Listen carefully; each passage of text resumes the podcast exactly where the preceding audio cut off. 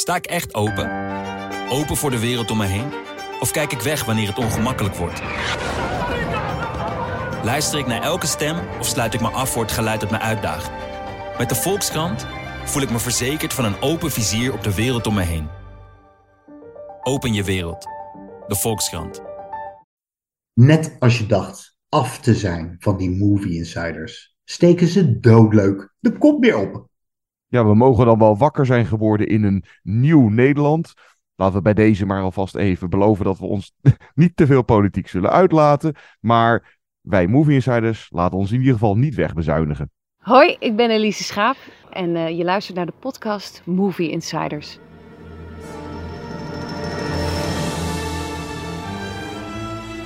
Good evening, ladies and gentlemen. We are tonight's entertainment. Movie Insiders. They're here. Why should I waste my time listening? Because I have a right to be. I have a voice. Groovy. Hallo allemaal, welkom bij Movie Insiders. Dat is de filmpodcast van Nederland die je overal online kan vinden. Mail ons ook gerust een keertje movieinsiderspodcast.gmail.com. We zijn ook altijd benieuwd naar jullie filmmeningen. Misschien lezen we hem wel voor in een volgende aflevering. Mijn naam is Guido.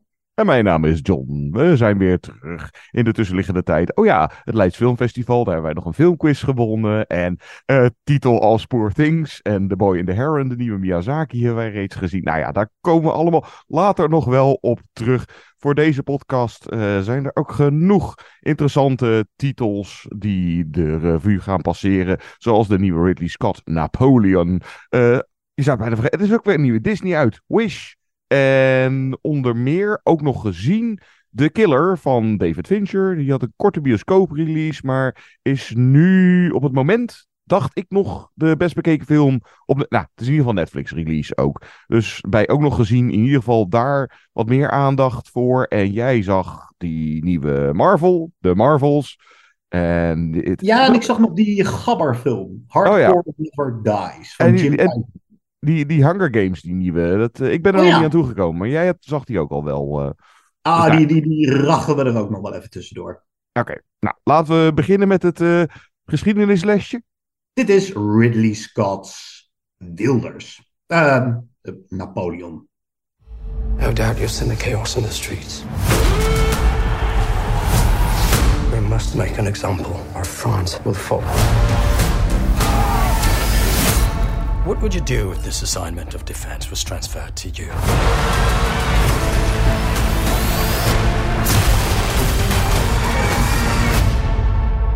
I promise you brilliant successes.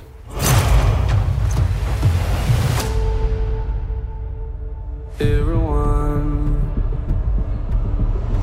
everyone around is. What is this costume you have on? This is my uniform. So. I led the French victory at Toulon. What is your name? Napoleon. As the course of my life just changed. Napoleon. I'm destined for greatness. But those in power will only see me as a sword. I suggest you take the throne as a king. Holding on. Shall we vote?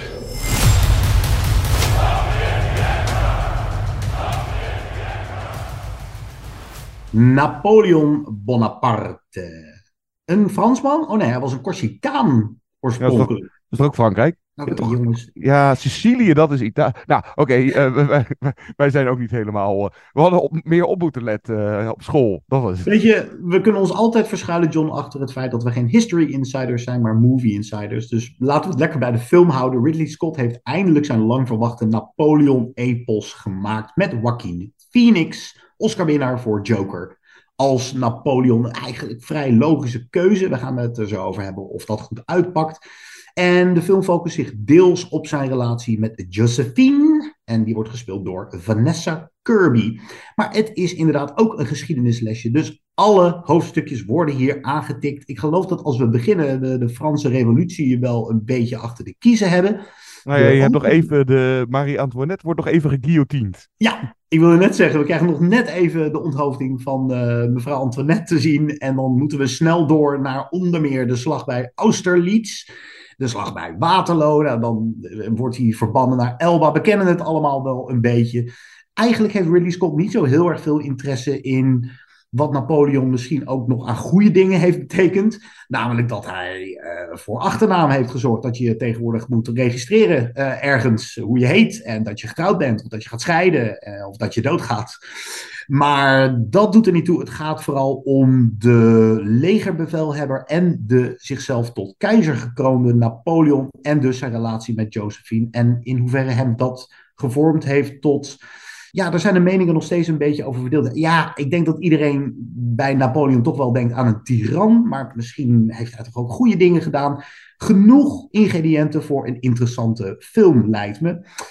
We gaan het hebben over de bioscoopversie die wij hebben gezien. Maar wat opmerkelijk is, is dat nu al een ruim vier uurs versie, geloof ik, is aangekondigd voor Apple TV Plus. Die komt er vrij snel ook aan.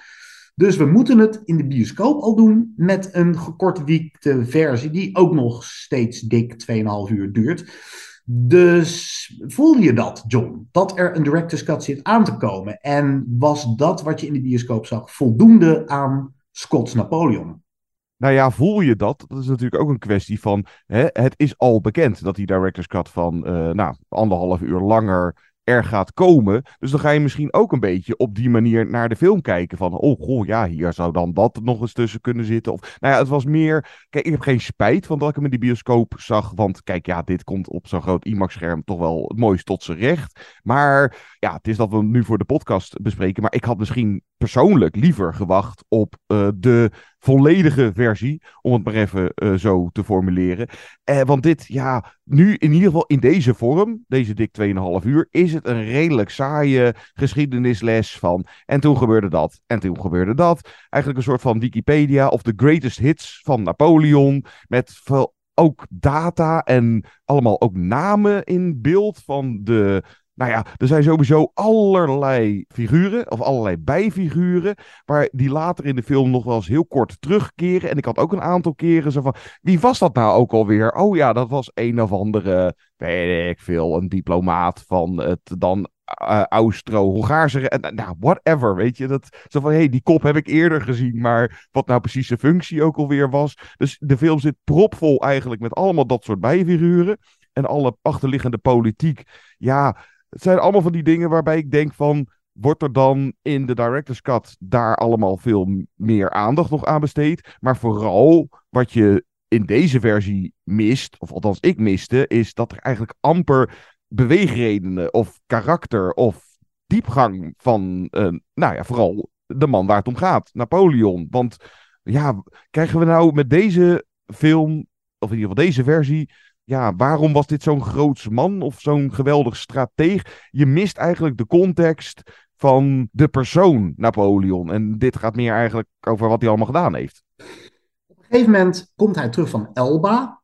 Hij heeft dan een belangrijke slag verloren en hij ontsnapt van het eiland en komt terug. En daar staat het Franse leger, of een fors deel van het Franse leger, hem op te wachten om hem weer in gevangenschap te nemen. En dan houdt hij een hele korte speech. Uh, jongens, jullie zijn toch mijn oude strijdmakkers, iets in die trant. En dan ineens gooien ze hun wapens weg en zeggen ze: Ja, je hebt ook gelijk, kom er maar bij. En ze omarmen hem en zijn blij dat hij weer terug is.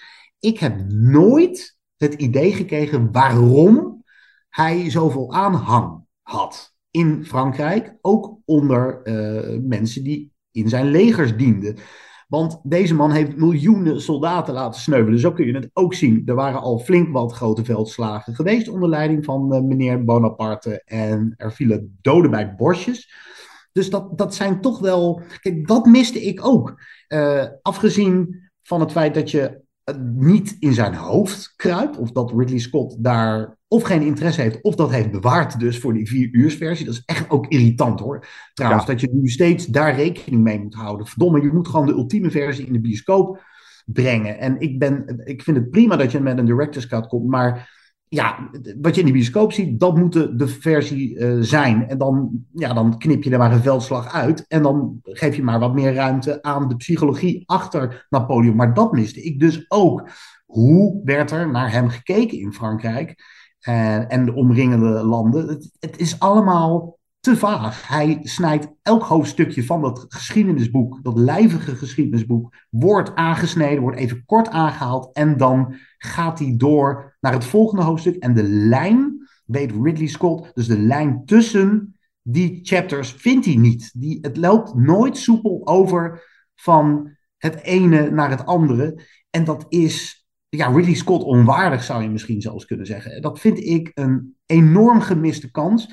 Ik, ik vond het in het begin niet zo erg, maar als een film twee en een half uur duurt, dik, gaat dat irriteren. Ja, en dan zit je na een uur of twee, uh, nou ja, niet dat ik verveeld was of zo, maar ik zat op dat punt ook al van, oh ja, natuurlijk, ja, dat Waterloo moet ook nog gaan komen. En wat, wat hebben we nou, en dat nog. En, maar door deze structuur beleef je het een beetje à la, alsof je naar de History Channel zit te kijken. Ja, hij is even in Egypte.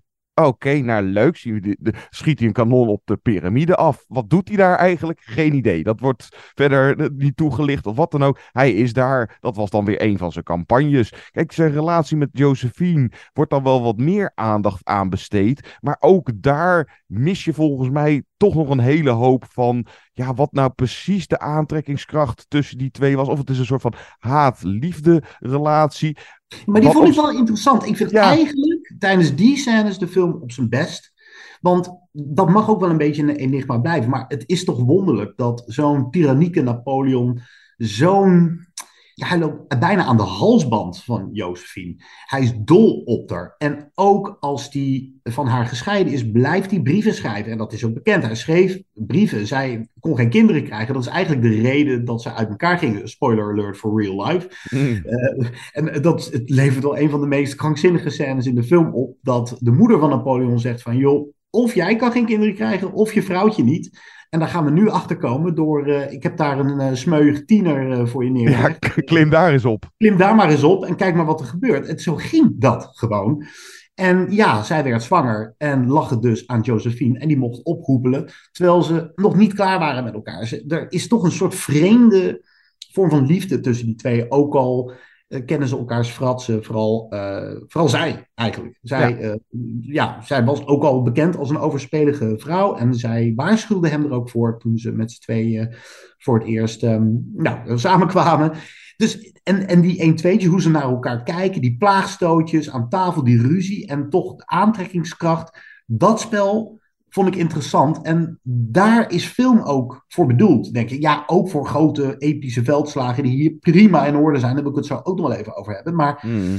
ik denk dat daar de film tot leven komt, omdat je daar geen poppetjes ziet, maar mensen van vlees en bloed. Ja, maar dan heb je weer het probleem dat zodra het daar in dat soort scènes een beetje interessant begint te, te worden. hey, hè, wat is uh, Napoleon voor man? Of in ieder geval binnen de relatie met Josephine. Dan schakelt die weer van, ja, oh god. En dan was hij weer een paar jaar ergens in, in Rusland aan het uh, banjeren met zijn leger. En ja, maar tijdens die scènes tussen die twee werd het soms ook wel een beetje, nou ja, bijna droog komisch. Want je zou je ook nog af kunnen vragen met uh, dit script of deze film. Wordt Boni, zoals die geloof ik ook nog een keer in de krant wordt genoemd, Boni, wordt die belachelijk gemaakt. Want uh, seks, uh, nou ja, dan begint het met een beetje speels. Of hij geeft aan van Josephine, ik heb weer zin. En dat hij haar weer even als een hond bereidt dan, zeg maar. Zo, ja, zo tien seconden. Ja. ja, en dan ook weer, nou ja, dat hij een beetje moederskindje is. En uh, er moet dan inderdaad voor een troonopvolger worden gezorgd. Nou ja, wat we net al uh, aan,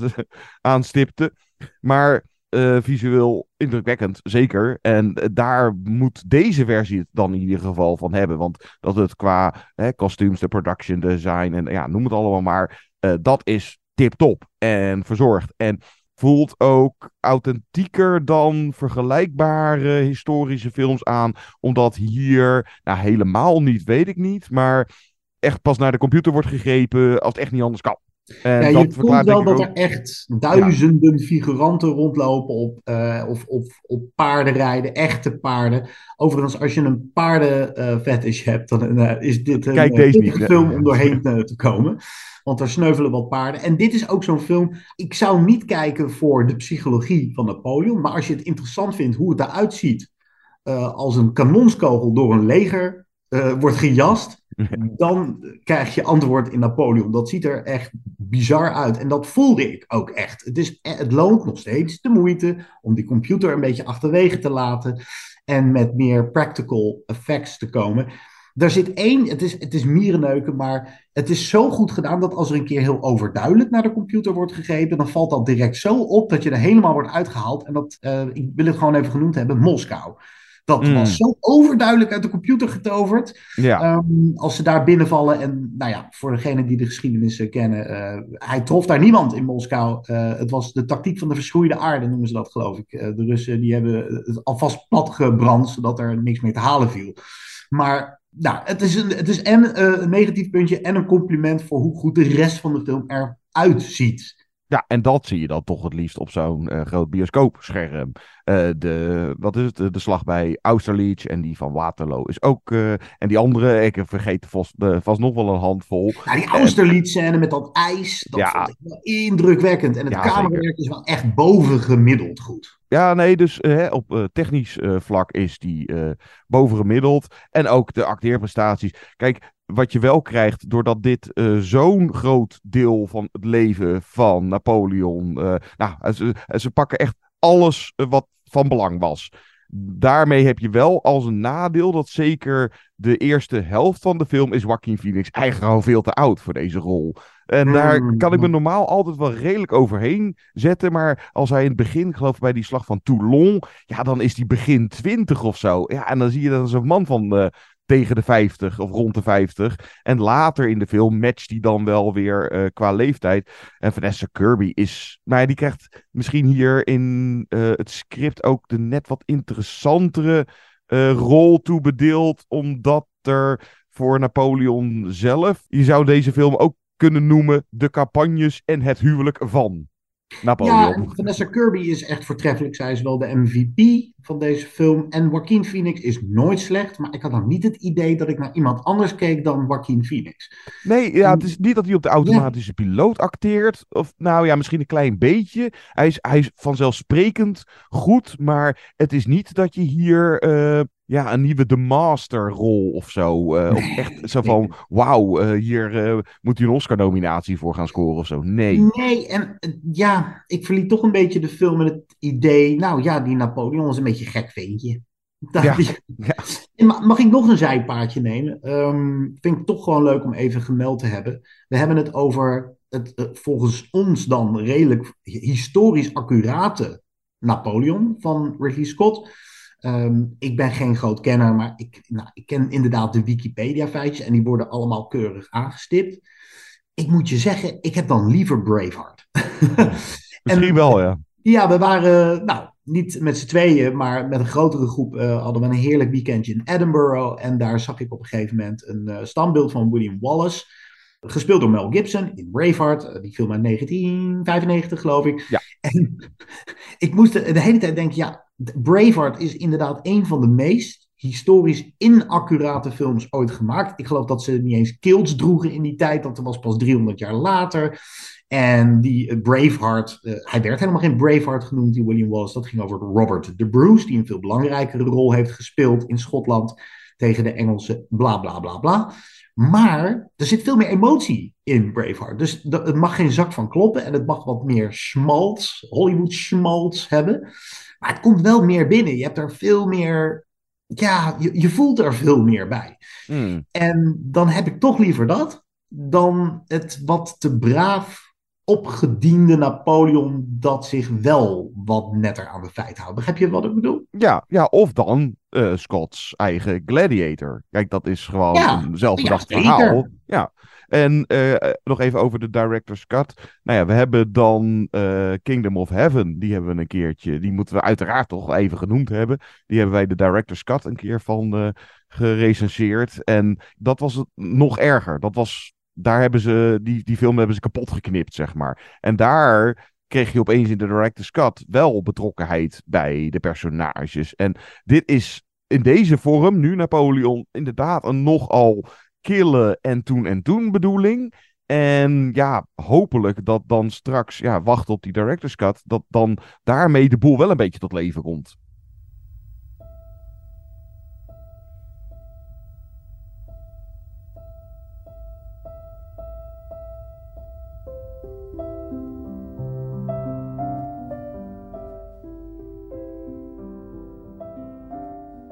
Blijf luisteren. Er is meer te bespreken. Straks onder meer de killer van David Fincher. En uit de Disney-stal een nieuwe. Nou, nieuwe. Is maar hoe je het bekijkt. Animatiefilm Wish. Maar eerst, weet je wat mij opviel tijdens het kijken? Ik ben een ontzettende filmmuziek-nerd. Dus ik ben misschien een van tien mensen die het opvalt. Maar ze hebben voor de soundtrack van Napoleon dus gewoon een stuk score gepakt uit Pride and Prejudice van componist Dario Marianelli. Dat gebeurt al vaker, dat je um, de componist moet zijn muziek nog schrijven voor een film en dan wordt er in die tussentijd al bestaande muziek even ondergeplakt. Daar kun je dan lekker op monteren. En dan wordt er vervolgens door de regisseur aan een andere componist gevraagd: nou ja, dit, dit past zo mooi bij die film, schrijf maar iets soortgelijks. En in dit geval hebben ze het gewoon laten zitten. Dat, dat komt niet zo heel vaak voor dat ze het ook daadwerkelijk gewoon in de uiteindelijke film laten zitten. Dus het leek mij wel grappig om iets uit Pride and Prejudice te draaien dat ook werd gebruikt voor Napoleon. Prachtig pianothema, uh, nog voor een Oscar genomineerd. Dus van componist Dario Marianelli.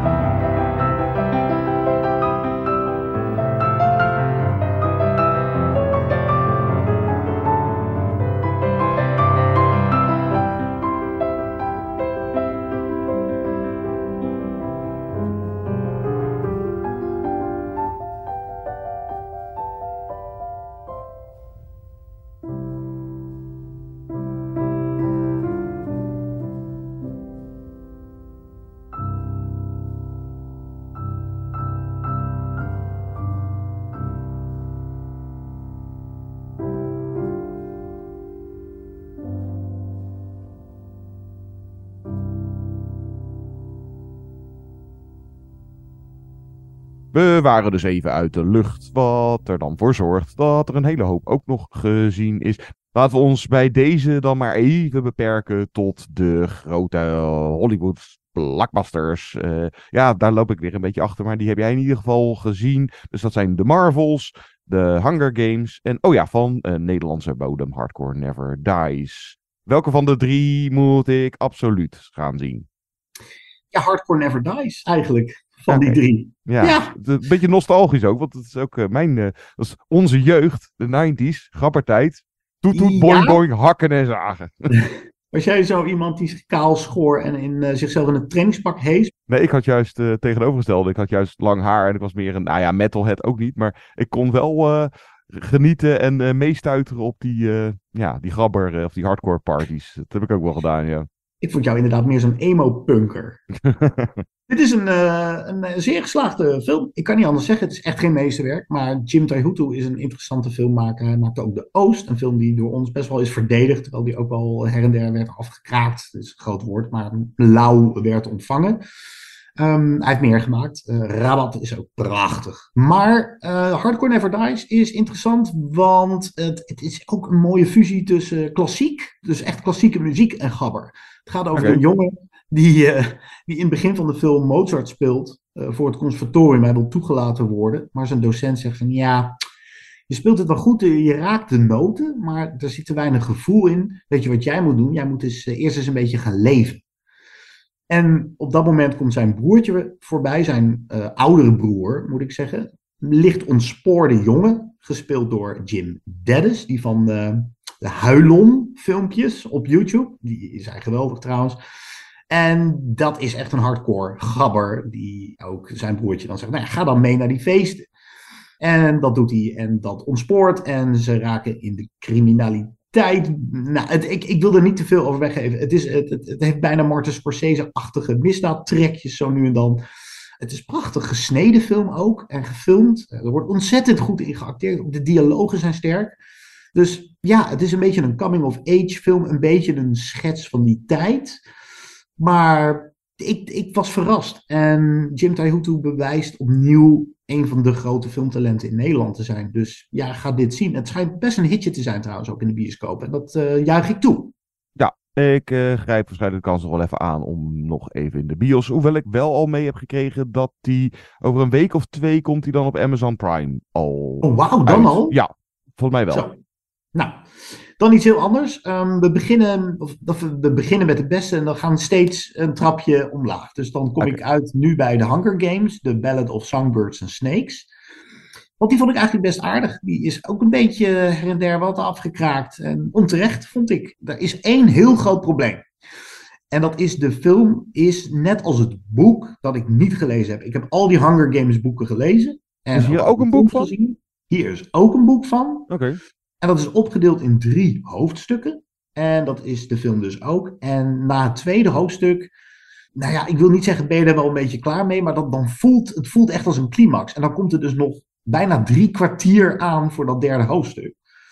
Ehm, zonder al te veel weg te geven, wat, wat ik wel kan zeggen, is dat de Hunger Games, The Ballad of Songbirds and Snakes, zich focust op het personage van Snow. Het is een prequel en we gaan zien hoe hij President Snow, oftewel Donald Sutherland, wordt later. De, Ja, want hij is niet een van de deelnemers aan die, wat is het geloof ik dan, de tiende Hunger Games, maar hij is een soort van mentor. Ja, hij is de mentor voor eh, Lucy Gray en die wordt dan gespeeld door Rachel Zegler. Dat is wel de ster van deze film. En het is een halve musical bijna, want zij speelt ook een soort singer-songwriter die de harten van het publiek steelt met haar stem. En het aardige van deze Hunger Games, daar, dat is dan vooral het tweede hoofdstuk, is dat het nog niet zo geavanceerd is. Want we gaan dus terug in de tijd, dus die drones die werken nog niet goed. Er knalt er af en toe nog eentje gewoon op de grond. Eh, het is iets meer houtje touwtje. Je hebt de geweldige Jason Schwartzman, eh, die ehm, een beetje de te- televisiepresentator speelt. Dat in de Hunger Games films, de eerdere films, werd gespeeld door Stanley Tucci. Een ander personage overigens hoor.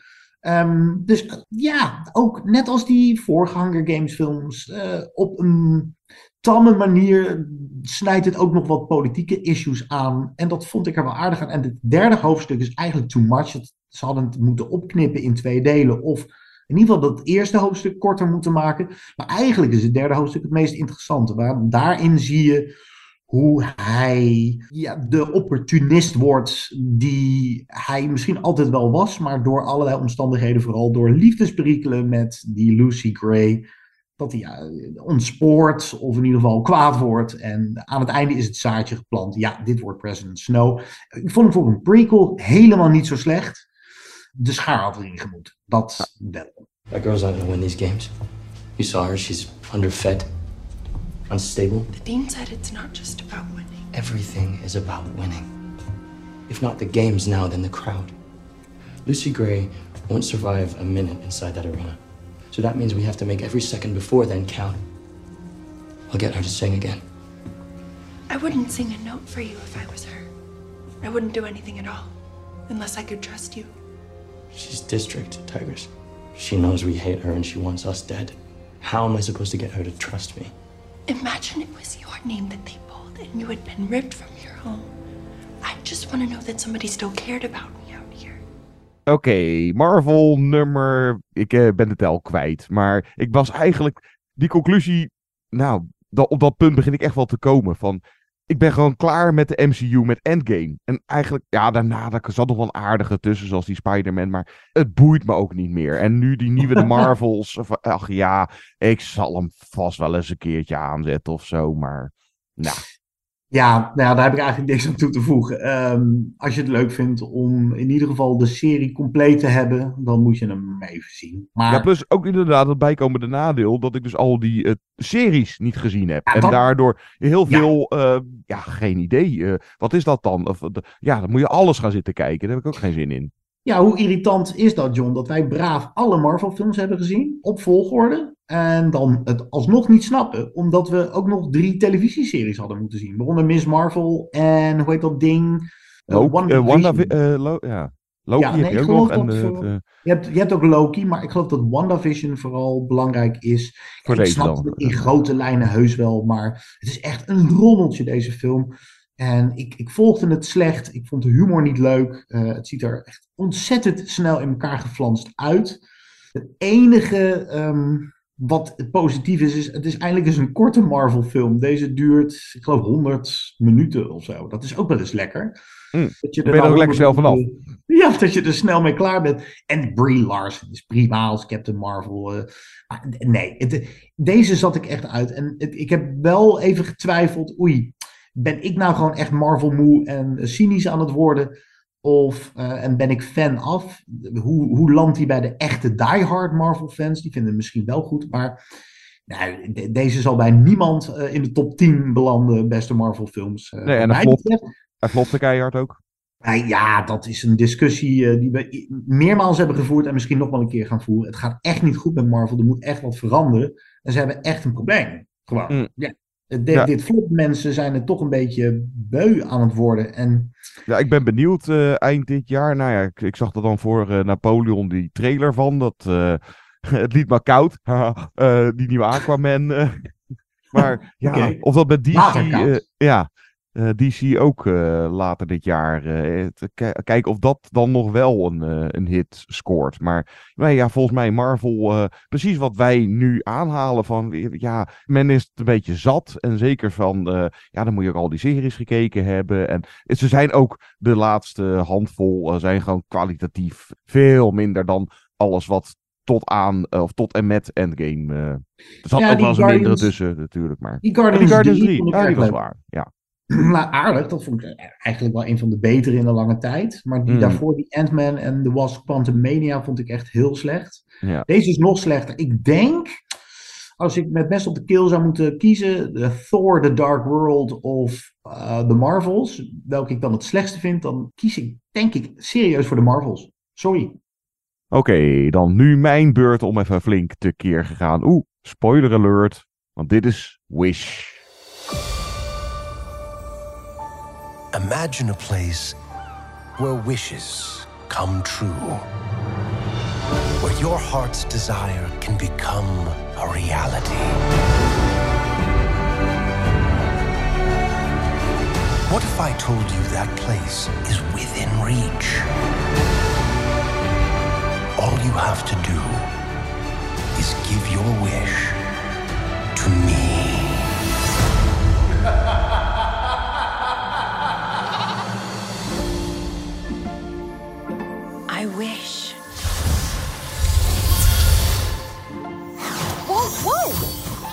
What was that? Whoa, what are you doing? Valentino, don't eat that! It didn't work. When does the magic happen, huh? Ja, de nieuwe Disney animatie of Disney Classic nummertje. Weet ik even niet uit mijn hoofd, maar Wish. Eh, het speelt in Rosas, heet dat. Nou, dat is echt het meest multiculti koninkrijk wat je maar eh, kan bedenken. Of misschien een PC-utopie, eh, zoals je wil. Daar is een of andere koning. Magnifico heeft daar de macht. En ja, die dromen stilt van zijn onderdanen. Of zoiets. En nog even, dit is een beetje een geïmproviseerde intro. maar ook dat zijn koningin, die noemt hem telkens Mireille. Ofwel, zij is... Maar verder spreekt ze helemaal geen Spaans. Dus ja, werkt dat dan of consequent door... of later dan ook gewoon My King zeggen. En zij komt er ook wel heel laat achter dat het eigenlijk een schoft is. Maar goed. Dat, Ja, dat eh, wordt ons, kijker, wordt dat eh, eh, vrijwel in de allereerste scène dat hij... Oh, wacht even, dat is een klootzak. Dus er kan geen twijfel over bestaan. Ja, en hij heeft dan magie. Of dat is daar aanwezig in dat koning. Ehm, hoe dat zit qua regels of wat voor logica weet ik ook niet. Maar je hebt dan Asha met de stem van Oscar-winnares Ariane de Boos, die uit West Side Story van Spielberg. Oh ja, en de stem van die Magnifico wordt gedaan door Chris Pine. Maar ja, zij wil dan zijn apprentice, uh, de Sorcerer's Apprentice. Disney-verwijzingen, daar gaan we het zo nog wel over hebben. Maar, nou oké. En zij doet dan Wish Upon a Star en dan verschijnt daar een, een sterretje.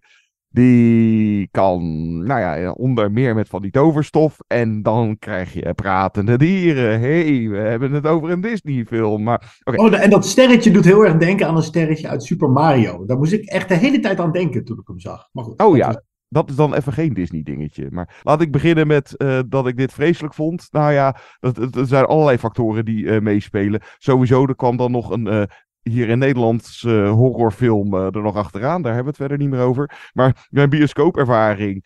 Vrij grote zaal. Niet heel veel publiek. Maar van die jonge kinderen. En die maakten van die bioscoopzaal letterlijk een speeltuin. Op een gegeven moment waren ze volgens mij zelfs tikkertje aan het spelen. Wat dus ook al wel aangeeft dat die jonge kinderen ook gewoon totaal niet geboeid waren door die film. En, ja, ik, had, ik had ook uh, zo'n ervaring. Ik moest er ook ontzettend om lachen. Ik zat in een zaal met tien mensen en één gezin met een kindje. En die waren volgens mij per ongeluk beland in de Engelse versie. En niet mm. De Nederlandse versie. Dat gaat volgens mij, zijn mensen daar nog steeds niet bedacht op. En ik hoorde halverwege de film, hoorde ik, ik had, had dat hele kind nog nooit gehoord, maar ik hoor ineens halverwege de film zo'n kinderstemmetje achter me zeggen: Ik wil slapen. en ik wilde eigenlijk bijna hardop zeggen: Ja, ik ook. ik wil ook naar bed.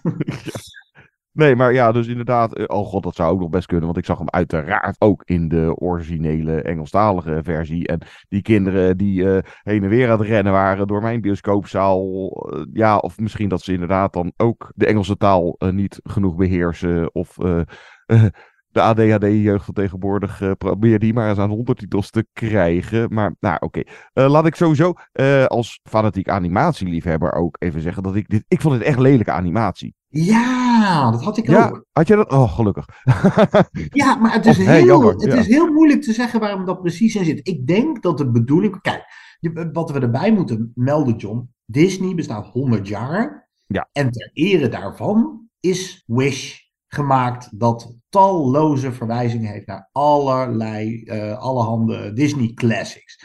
Dus daar komt eh, Bambi zit erin en Pinocchio en Peter Pan fladdert nog even voorbij. En dat heeft een scheut bellen en het beest. En ga zo maar door, ga zo maar door. Sleeping moment, Beauty en nou ja. ja, ergens die, die Magnifico, geloof ik, of een ander personage tekent ergens Mickey-oortjes. Nou, heel, allemaal totaal zinloos. Ehm, ik weet echt totaal niet meer welk punt ik trouwens nu wilde maken.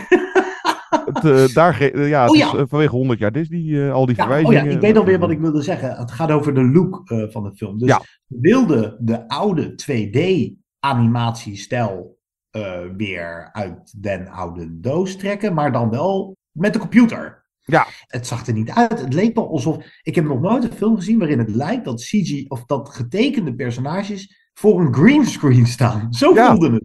Het was echt heel raar. Kijk, je, zou kunnen denken van hè, dat trendje van de laatste, nou, inmiddels paar jaar. Hè, een soort van combinatie of mix. Nou, die wel perfect werkt in, eh, nou, bijvoorbeeld Spider-Verse. Dus dat het, eh, ja, de animatiestijl is niet consistent. Het is een beetje van alles en nog wat. En dat is hier ook. Dus hè, ouderwets dan getekend, maar dan ja, ook niet zo als je het van vroeger echt kende. Eigenlijk een soort van waterverf idee, maar dan heel flats. Zo van een getekende animatie, maar dan door AI gedaan of zo. En Ja, ja, zoiets, hè? en dan inderdaad ook gedaan door de computer. En ook gecombineerd met CGI. Nou ja, zeker de CGI, wat je meer terugziet in de, nou, de magie en, eh, en, en dat soort dingen.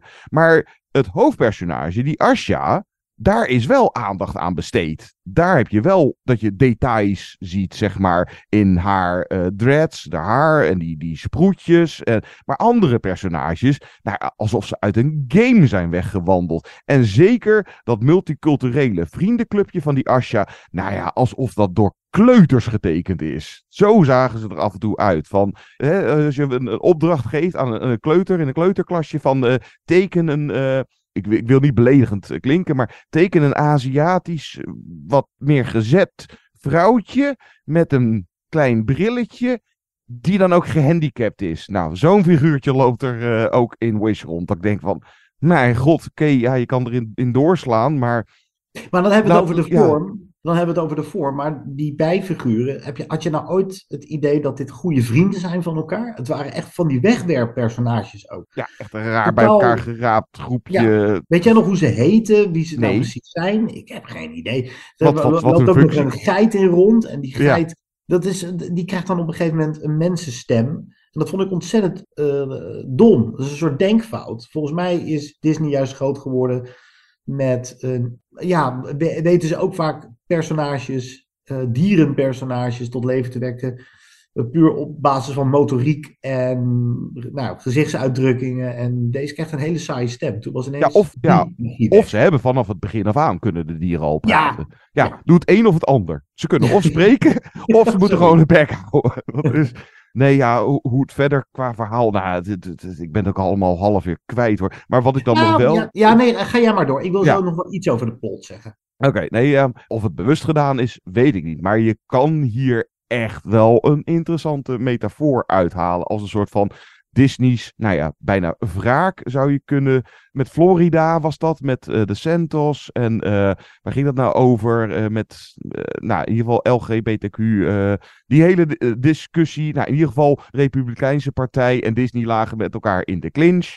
En hier zou je kunnen zien dat die Magnifico is eigenlijk een soort van Trump-achtige narcist. Die de dromen of de American Dream van zijn onderdanen stopt of stilt of tegenhoudt. Wow. En dat die Asha een soort van AOC, dat is uh, Alexandria Ocasio-Cortez-achtige chick die dan de strijd met hem aangaat. En dat, nou, ja, dat, dat droom afpakken, ja, dat, dat maakt dat zij als onderdanen in toon blijven. Ja, dat is eigenlijk een soort van zombies blijven worden. Uh, zo, nou, zo'n soort boodschap, bla bla bla. Dat kan je er een beetje uithalen als je dat leuk vindt. nou ik, ik zag dat dan niet. Ik vond het nog wel een aardige vondst. Dat wat die Magnifico dan doet, is alle wensen van zijn onderdanen, van de burgers van dat Rosas, tot zich nemen.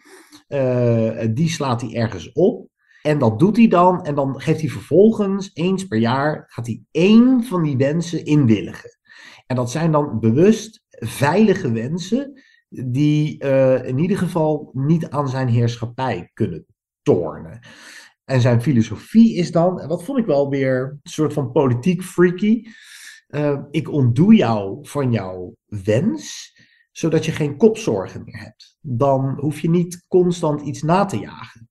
Dat ja. is ook de filosofie. En dat vond ik nog wel een aardige fonds. En, maar het resultaat daarvan is, ja, is het inleveren van jouw droom niet ook een stuk van wie je bent, van je ziel? Uh, moeten we niet allemaal dromen en uh, een hoop blijven houden op iets onbereikbaars of iets waar je voor vecht?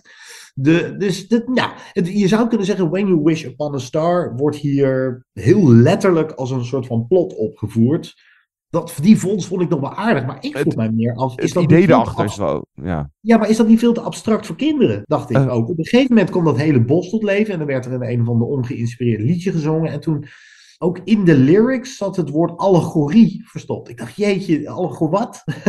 dat kun je die kids toch niet aandoen die hier naar kijken? Het is al een beetje een warrig verhaal. Ik vond het... Um... Ja, omdat kinderen het allemaal dan niet meekrijgen? Ja, ge ja, geen idee. Ja, ik, ja. ik kan me niet in een, uh, in een kind verplaatsen uh, of die nee, dit wel leuk vinden. Maar... Ik ook niet. Ik, ik, ik vind het ook altijd lastig om te zeggen, uh, om te bepalen wat kinderen leuk vinden. Dat weet ik inderdaad niet.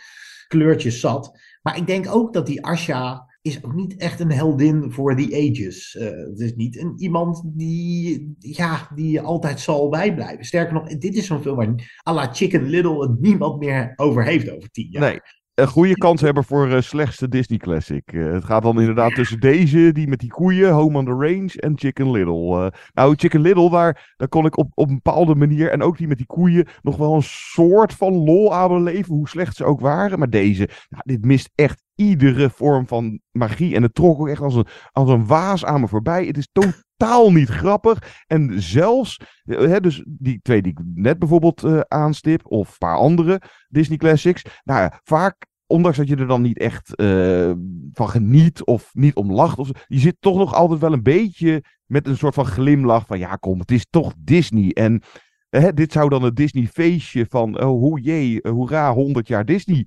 zou dat moeten zijn. Maar mijn wens zou dan zijn dat dit nooit gemaakt is, joh. Dat echt.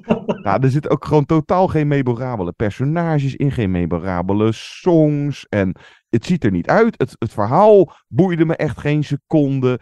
En het enige wat ik, nou ja, als, dan voor kinderen, die zullen dat sterretje dan nog wel grappig vinden. Of die geit. Maar daar houdt het dan ook wel een beetje op, denk ik.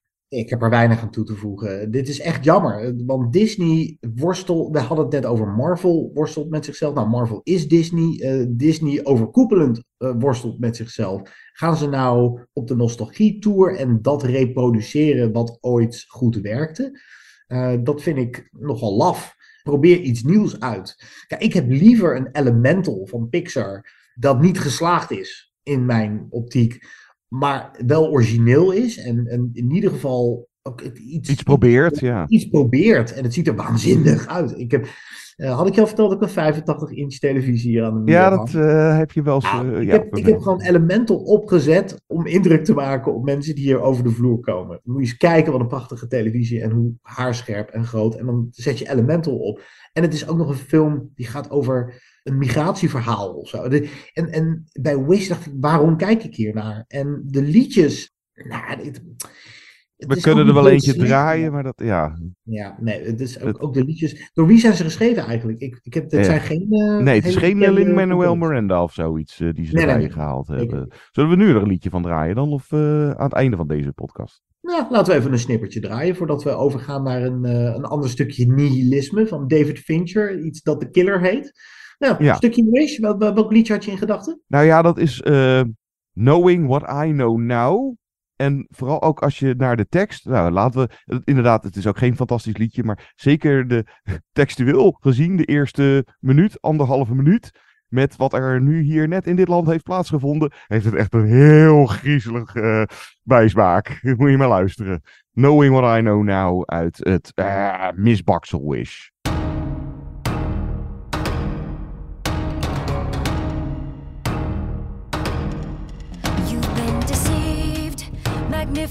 Is not the man he claims to be. He's more vicious than I could have ever comprehended. When I made a wish and star came down, this is not what I expected or intended. But now that it's happened, I don't regret it. Cause now I've seen him show his true colors and shades of green. Saying that your wishes aren't safe because of me, and that's a lie, lie, lie, lie. And I, I know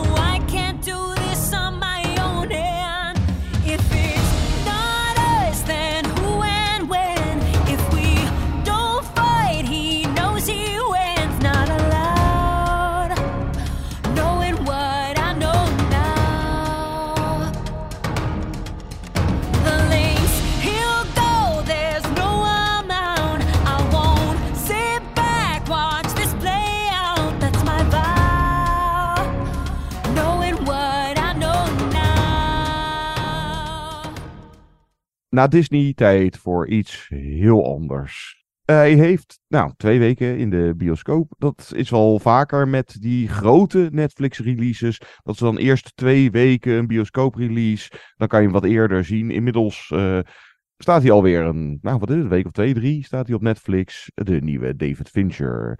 En Michael Fassbender is de killer.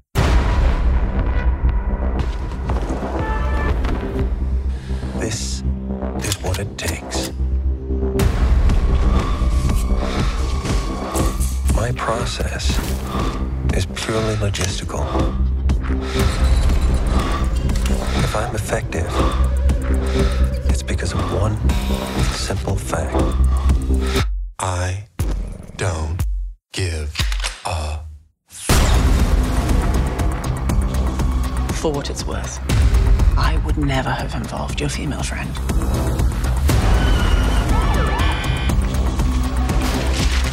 Empathy. Please. Trust no one. Fight only the battle you're paid to fight. De eerste acte van The Killer, of het eerste hoofdstukje, in een Parijs appartement waar de killer, Michael Fassbender inderdaad, zich heeft verscholen om een moord te plegen. Hij wacht net zo lang tot er aan de overkant van de straat in een appartement recht tegenover hem, want hij zit in een soort van, nou, dit is een, leeg pakhuis of zo. Uh, een sniper rifle heeft hij uh, klaarstaan om iemand daar neer te schieten. Dat is zijn opdracht. En in die tussentijd horen we een voice-over. Dit is uh, in tegenstelling tot wat velen van jullie denken helemaal niet zo'n zo opwindende job. Het is vooral veel wachten. Het is saai. En je moet je hartslag goed in de gaten houden. Heeft hij het steeds over. En dan kun je eigenlijk nooit missen. En dan ook een soort bijna Hagakure-achtige filosofie. Hij doet wat yoga-oefeningen. Hij wacht nog eventjes. Hij vertelt dat hij zich uh, vaak aankleedt of uh, als een Duitse toerist, want dan val je het minst op. En wat er dan gebeurt, is hij heeft hem eindelijk in het vizier, de man die hij moet doodschieten. En hij mist. En deze heb ik van Movie Insider Jasper, die ik gisteren even aan de telefoon had. En die zei iets heel moois, dat in één klap, denk ik, voor heel veel mensen deze wat, wat, wat kille, afstandelijke film. Uh, zo kwam ik er ook een beetje uitgelopen van, hmm, waar heb ik nou naar zitten kijken. Maar wat hem in één keer kan openbreken. Namelijk, mist de killer hier zijn uh, doel, omdat hij is afgeleid door zijn eigen voice-over. Vond ik echt een hele uitspraak. Uh, want wat we vervolgens zien is um, meerdere hoofdstukjes. Hij heeft echt een probleem na het missen van zijn doel. Want ze willen zijn vriendin te grazen nemen. Nou, of ze willen hem te grazen nemen, eigenlijk meer, geloof ik. Het is, uh, hè, de, de, de opdrachtgever uh, zijn er niet blij mee. En er worden, nou, laten we het even bestempelen als collega's van hem ingehuurd. Om, nou ja, hij moet eigenlijk gewoon uit de weg geruimd worden, want je hebt gefaald. Maar hij wil ook wraak nemen op het feit dat ze. Oké, okay, ze wilden hem omleggen, maar ze hebben zijn vriendin in ieder geval stevig toegetakeld. En ja. hij probeert zijn eigen hachje te redden, maar ook een beetje wraak te nemen. En wat er dan gebeurt in de killer, en dat maakt hem toch. Uh, hoe langer ik over deze film nadenk, hoe interessanter die is en hoe meer de behoefte ik heb om hem een tweede keer te zien. Hij verraadt zijn eigen voice-over, uh, zijn eigen codes, waarin hij zegt: blijf kalm. Um, nee, nee, uh, anticiperen. Anticiperen, niet improviseren. Die zegt hij ja. iedere keer. En zijn methodes en uh, je zou kunnen zeggen de uitleg die hij daar telkens bij geeft, dat daarin kan je ook soms tussen de regels door een beetje zijn uh, psychische gesteldheid vinden. Maar er zit heel veel voice-over in. En ik denk dat als je die eruit had gelaten, was het misschien weer te saai geworden. Maar ja, je zou ook wel kunnen zeggen van het is wel echt een, nou ja, een trucje. Maar het is ook wel weer interessant. Want ja, dat. Ik vind het de toegevoegde waarde van deze film. Want je gaat steeds meer ontdekken dat die voice-over niet strookt met wat we zien. Dus het is een ja. pose van iemand die eigenlijk niet achter zijn eigen woorden staat. En dat vond ik wel een hele slimme vondst. En daarom wil ik hem een tweede keer zien. Daar zit ook een, een soort van typische David Fincher nihilistische zwarte humor in. Ja. Die ik erg kon waarderen. En het is ook gewoon fijn om een meester als David Fincher aan het werk te zien. Dit, dit is echt niet zijn meesterwerk. Dat, ik denk nee. dat niemand zal vinden. Maar... Kijk, zeker qua keuzes of qua stijlkeuzes. Want je zou kunnen zeggen dat zeker een Fincher zich hier stilistisch inhoudt. En deze deed me sowieso qua sfeer of qua stijl iets meer aan Michael Mann denken. Collateral hmm. bijvoorbeeld of zoiets. He, dat er weinig of uh, minder filmische trucs in zitten qua camera en montage. Tuurlijk, ze zijn er wel, maar voor mijn gevoel, voor Finchers doen een stuk minder dan we eerder van hem zagen. En dan is het inderdaad opgedeeld in, wat zijn het dan, zes hoofdstukken. En nou ja, je krijgt iedere keer zo van, nou, dat is het, uh, dat is het target, hè, dat is het doel. En dan de, de, de uitvoering. En er zit dan wel inderdaad wat variatie in telkens. Hè, wat er in het hoofdstukje gebeurt. Vooral ook qua setting. In het begin is die in Parijs. Later uh, is die bijvoorbeeld nou, in Florida. Of uh, elders in Amerika. En dan dus de, de, de, de, de, eigenlijk de voorbereiding. En dan krijg je de executie of niet. en die ja, af en toe best bruut. Maar het is vooral. Ze zijn nog, nogal koelbloedig. En vooral ook heel erg plots. Want het is telkens dat hij ja, komt in de situatie terecht dat hij moet toch improviseren. Want iedere keer het loopt anders dan die in zijn hoofd, of dus in de voice-over. Hè? Zo van, nou, oké, dan ga ik dat doen. En dan zus, zo en op die manier. En hè, zo gaat het niet in de echte wereld. Ja, mensen doen andere dingen. Dus hè, dat ontaart dan onder meer in een gevecht die we even eh, voor ons zullen houden, maar die wel echt kicken is. En dat Maar het ontaart ook in een geweldige scène met Tilda Swinton. Dat was wel Ja. voor mij het hoogtepunt, denk ik. Eh, Tilda Swinton is fantastisch. Ook omdat hij daar een soort collega-hitman tegenover zich heeft... die er een hele andere levensstijl op nahoudt. Ja. Zij, zij trekt zich niks aan. Zij gaat niet in, met allerlei pseudoniemen door het leven. Zij gaat gewoon heel chic uit eten. Geeft haar geld rijkelijk uit aan dure whiskies en dat soort dingen. En eh, hij, hij zit echt zo gefascineerd naar haar te kijken en te luisteren. Shit, ja, dat had ik misschien ook kunnen doen met mijn leven. Dat was misschien wat opwindender geweest. En zij weet gewoon ook, nou ja, ik zal wel worden neergeknald of zo. Maar ja, is, eh, kan je hem zien als een ja, ja, fijne protagonist om naar te kijken? nou ja, ik vind bijna geen enkele protagonist in een David Fincher film heel fijn om naar te kijken. Nee, dat ja, dus het film da- vaak da- ook wel weer interessant. Past wel het in gaat het over nihilisme. Het gaat over eh, de kille, koude, nihilistische wereld waarin we leven. En waarin wij proberen empathie. En waarin empathie bijna taboe is. En daar gaat deze film over. Het, is deze film, die is empathieloos, hoe zeg je dat? Eh, Mhm. een, een beetje emotieloos en kil, maar het gaat daar ook over. En het is daarmee ook een beetje een parodie op de coole Hitman-movies. Ja, En Le dit- Samouraï, de, eh, die Franse klassieker van uh, Ja, bijvoorbeeld Alain Delon. ja. Dat, dat je inderdaad eh, iemand ziet die heel, oh, hij is zo gaaf en hij is zo koelbloedig en het interesseert hem allemaal niet, maar ondertussen misschien toch stiekem wel. Dus hoe, nou, nogmaals, hoe die voice-over niet strookt met wat we zien in beeld, vind ik eigenlijk wel de gaafste truc van de killer. En hij is stilistisch. Ja, jij zegt stilistisch doet, me, doet hij me meer denken aan Michael Mann. Ik vond het wel echt een David Fincher film hoor. En ik vond hem echt voortreffelijk gemaakt ook. Dus dit, hier En echt geacteerd, eh Vastbender is... eh, vakman aan het ja, werk. Eh, eh, Vastbender past goed in deze rol. En, eh, ja, Ja, nee, ik- prima. ja. Het is gewoon een, een film die je denk ik te makkelijk eh, opzij schuift. Terwijl dit zo'n film is die misschien in de loop der jaren een beetje een cultstatusje zou kunnen opbouwen. Dat, dat, dat, ja, dat als je hem tweede keer eh, of eh, nog eens een keertje aanzet. Zo van, nou, sowieso de eerste keer. ik, ik zag het vakmanschap. Maar het is voor Finchers doen. ja, hij houdt zich een, voor mijn gevoel meer een beetje in. Dus mogelijk dat ik ook een latere keer er wel weer meer in zie of uithaal. Of het, eh, maar ik heb ja, zijn vorige Menk. Die eh, was ook zo'n Netflix-release met eh, Gary Oldman over de schrijver van Citizen Kane in zwart-wit. En daar, daar pakte hij echt filmisch uit, zover als maar mogelijk was. En dan is dit weer eigenlijk het tegenovergestelde. Dus vandaar dat ik ook een beetje op die Michael Mann vergelijking uitkwam. Een beetje dat inderdaad kille, ja, een beetje ja, schematisch of afstandelijk is inderdaad ook wel het, het, het werk van Fincher. Maar dan qua stijl keuzes wat... ja, gereserveerd. ja, gereserveerd of zo. Het, eh, hij is zeker de moeite. Ik zou absoluut zeggen, eh, als je hem nog niet hebt gezien op Netflix, zet hem even aan. Ja, toch wel een must voor cinefielen hoor. En deze, The Killer, eh, luistert heel graag naar de Smiths. We krijgen volgens mij de complete best-of CD van de Smiths. Komt in deze film voorbij. I find music a useful distraction. A focus tool. Keeps the inner voice from wandering.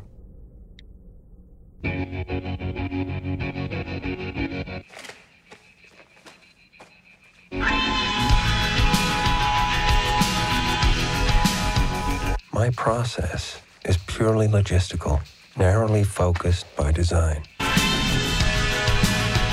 I'm not here to take sides. It's not my place to formulate any opinion. All the shyness that is criminally vulgar. No one who can afford me needs to waste time winning me to some cause.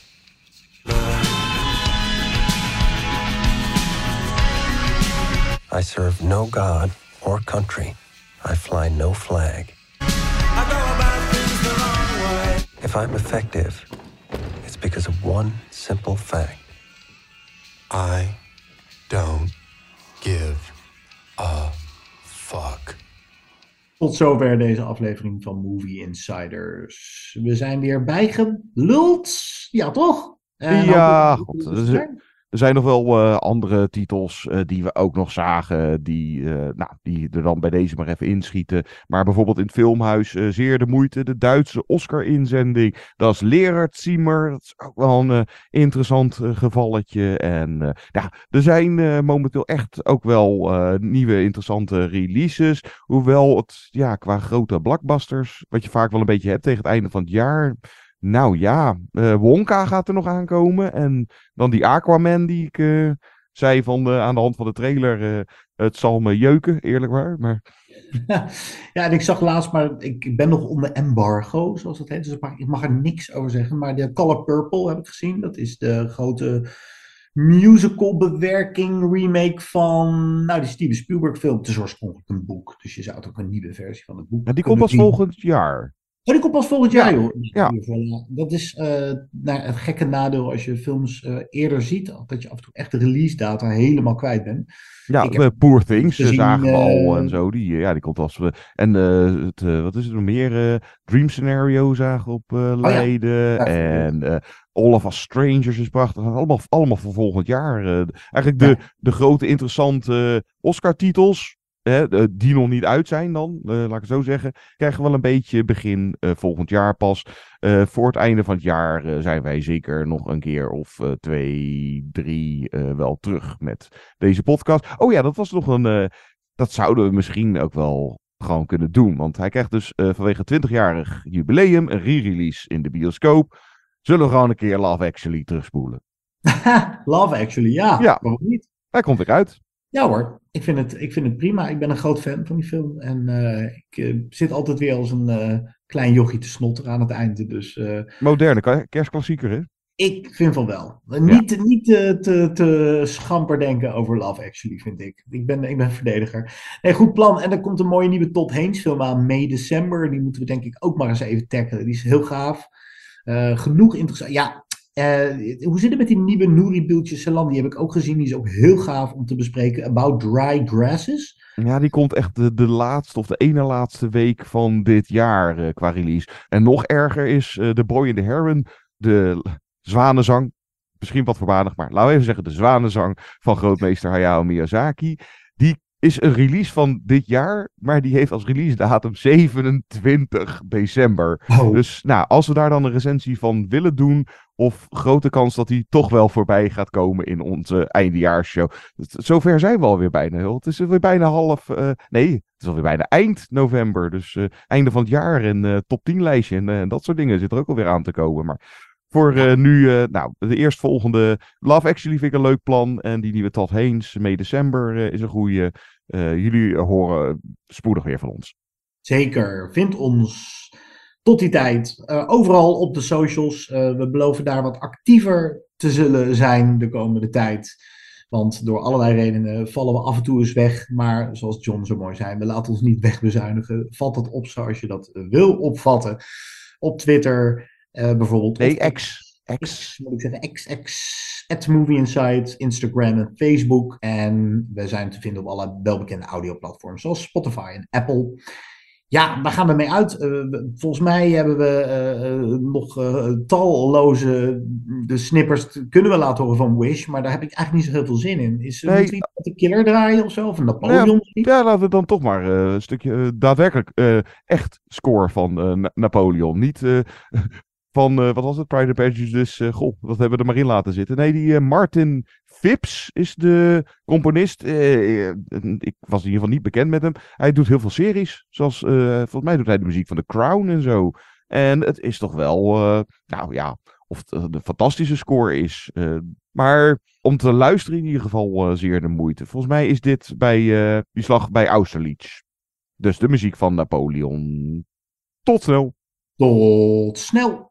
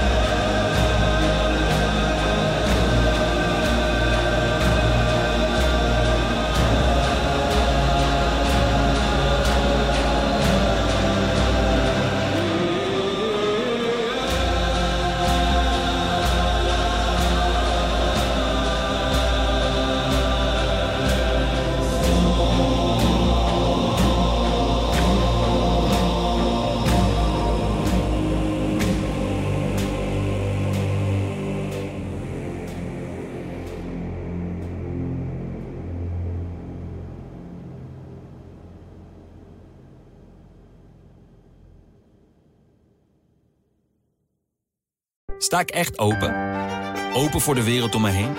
Of kijk ik weg wanneer het ongemakkelijk wordt? Luister ik naar elke stem of sluit ik me af voor het geluid dat me uitdaagt? Met de Volkskrant voel ik me verzekerd van een open vizier op de wereld om me heen. Open je wereld. De Volkskrant.